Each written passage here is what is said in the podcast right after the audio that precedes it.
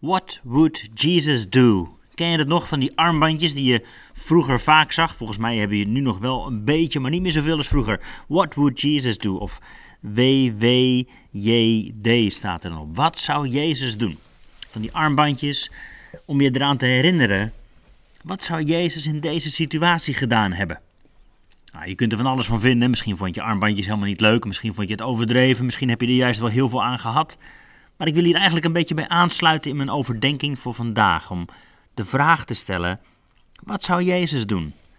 Wat zou Jezus doen? Want dat blijft toch altijd wel daar waar we op terug gaan vallen.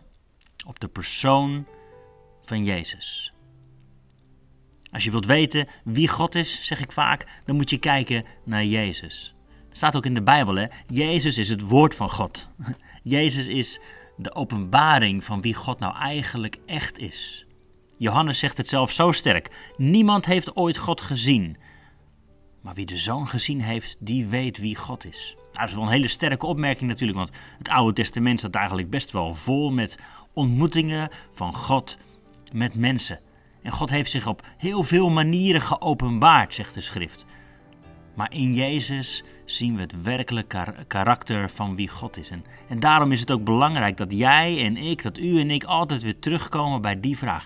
Wat zou Jezus doen in deze situatie? Hoe kunnen we in zijn voetsporen lopen? Hoe kunnen we doen wat hij deed? Hoe kunnen we luisteren naar hem? Hoe kunnen we kijken naar hem? Hoe kunnen we leren van hem? En hoe kunnen we hem navolgen? Dat is uiteindelijk onze roeping om discipelen, navolgers van Jezus te zijn. De beste plek die je kunt innemen is in de voetstappen van Jezus. Nou, daarom wil ik ook vanochtend eens kijken, of vandaag, sorry, ik ben helemaal gewend aan vanochtend zeggen natuurlijk. Dat doen we op zondagochtend vaak, maar ik weet niet wanneer je dit luistert, maar ik wil straks nu wat gaan zeggen over, over het uh, navolgen van Jezus. En we kijken dan naar Lucas. Helemaal aan het begin van de bediening van Jezus lezen we het volgende in hoofdstuk 3 dat Jezus gedoopt wordt. En meteen kunnen we al een heleboel dingen leren als we kijken naar die stap van Jezus. Hij laat zich dopen. Een stap in gehoorzaamheid. Dit is nodig, zegt hij, zodat de gerechtigheid zal zijn. Dus we leren van Jezus, het is soms nodig, of eigenlijk altijd nodig, om gewoon gehoorzaam te zijn aan dat wat God van ons vraagt. Jezus laat zich dopen. Ook al zegt Johannes de Doper, ja, u zou mij moeten dopen. Maar Jezus zegt, nee, ik wil gehoorzaam zijn eerste stap is dat, een stuk gehoorzaamheid. En daarna dat hele mooie stuk wat we daar lezen in, in Lucas 3. Dat God zelf zegt, dit is mijn zoon, mijn geliefde zoon. U bent mijn geliefde zoon. In u heb ik mijn welbehagen. Dat is echt een bijzonder moment. Je kunt je voorstellen dat je de Vader zelf uit de hemel hoort.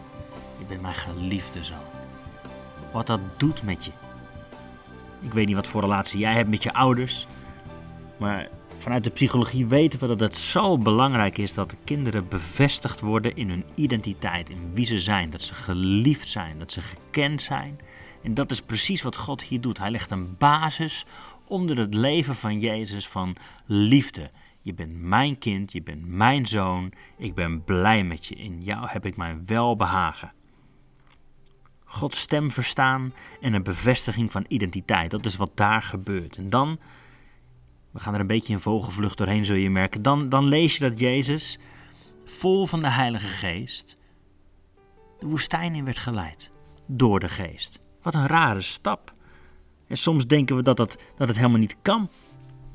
In gehoorzaamheid aan God toch een woestijnperiode ervaren. Toch een, een tijd ervaren waarin het lijkt alsof God heel ver weg is.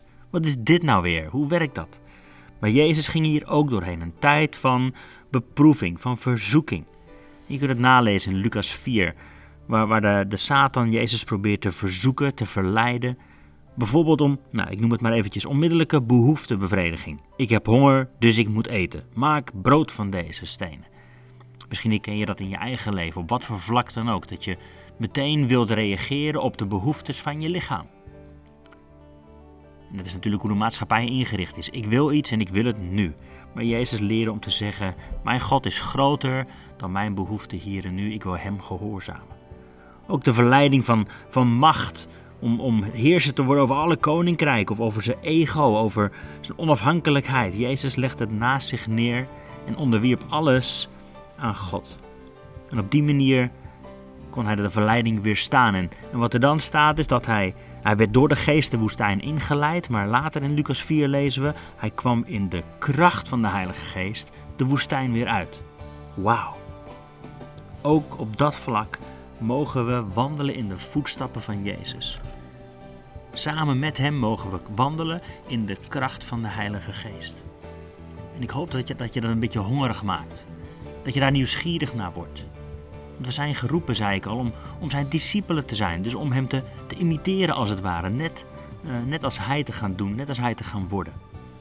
En dit is dan ook, denk ik, geloof ik, een cadeau dat God ons wil geven. Dat je ervaart dat je vol bent van de kracht van de Heilige Geest. En misschien heb je daar nog nooit naar uitgestrekt, maar dat is wel waar onder andere Paulus je toe oproept. Strek je uit naar de gaven van de Heilige Geest. Wees hongerig.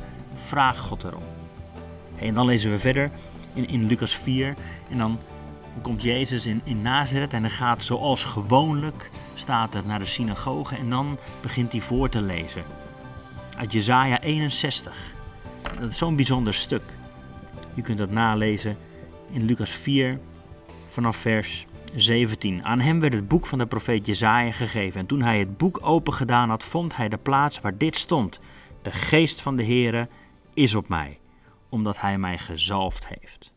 Hij heeft mij gezonden om een arm het evangelie te verkondigen, om te genezen alle die gebroken van hart zijn, om aan gevangenen vrijlating te prediken en aan blinden het gezichtsvermogen, om verslagenen weg te zenden in vrijheid, om het jaar van het welbehagen van de Heer te prediken. Dit is wat Jezus over zichzelf noemt. Aan het begin van zijn bediening, voordat hij ook maar iemand handen op heeft gelegd of iemand heeft bevrijd of genezen, zegt hij over zichzelf dit. De geest van de Heer is op mij omdat hij mij gezalfd heeft. Hij heeft mij gezonden.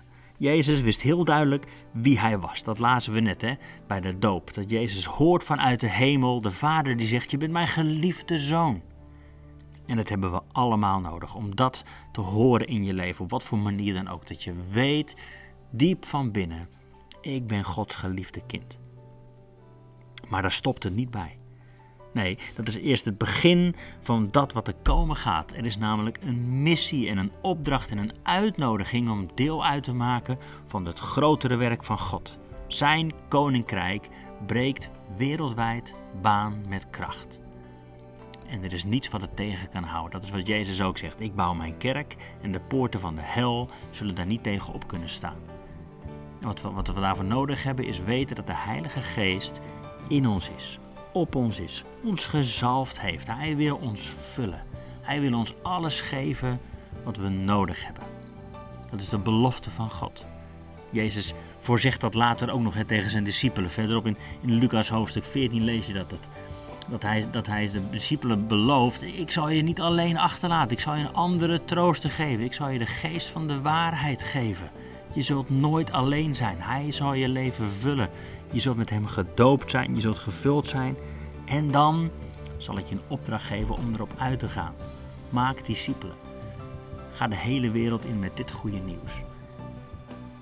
En dit is wat ik je mee wil geven. Je hebt het allebei nodig in je leven. Een goede vriend van mij, die vat het altijd samen in twee woorden. Kom en ga. Kom en ga. Kom en ontvang. Ontvang om niet. Ontvang de Heilige Geest. Ontvang de vrede van God. Ontvang de vreugde. Ontvang vergeving. Ontvang genezing. Ontvang Zijn aanwezigheid in je leven. Dat is wat God je wil geven. Maar, dat lezen we van Jezus, de geest van de Heer is op mij, want Hij heeft mij gezalfd. Maar Hij heeft mij gezonden. Dat komt meteen daarna. Hij heeft mij gezonden om het goede nieuws te verkondigen in woord en in daad. En dat is de uitnodiging voor jou en mij, om, in die voetstappen van Jezus te gaan wandelen.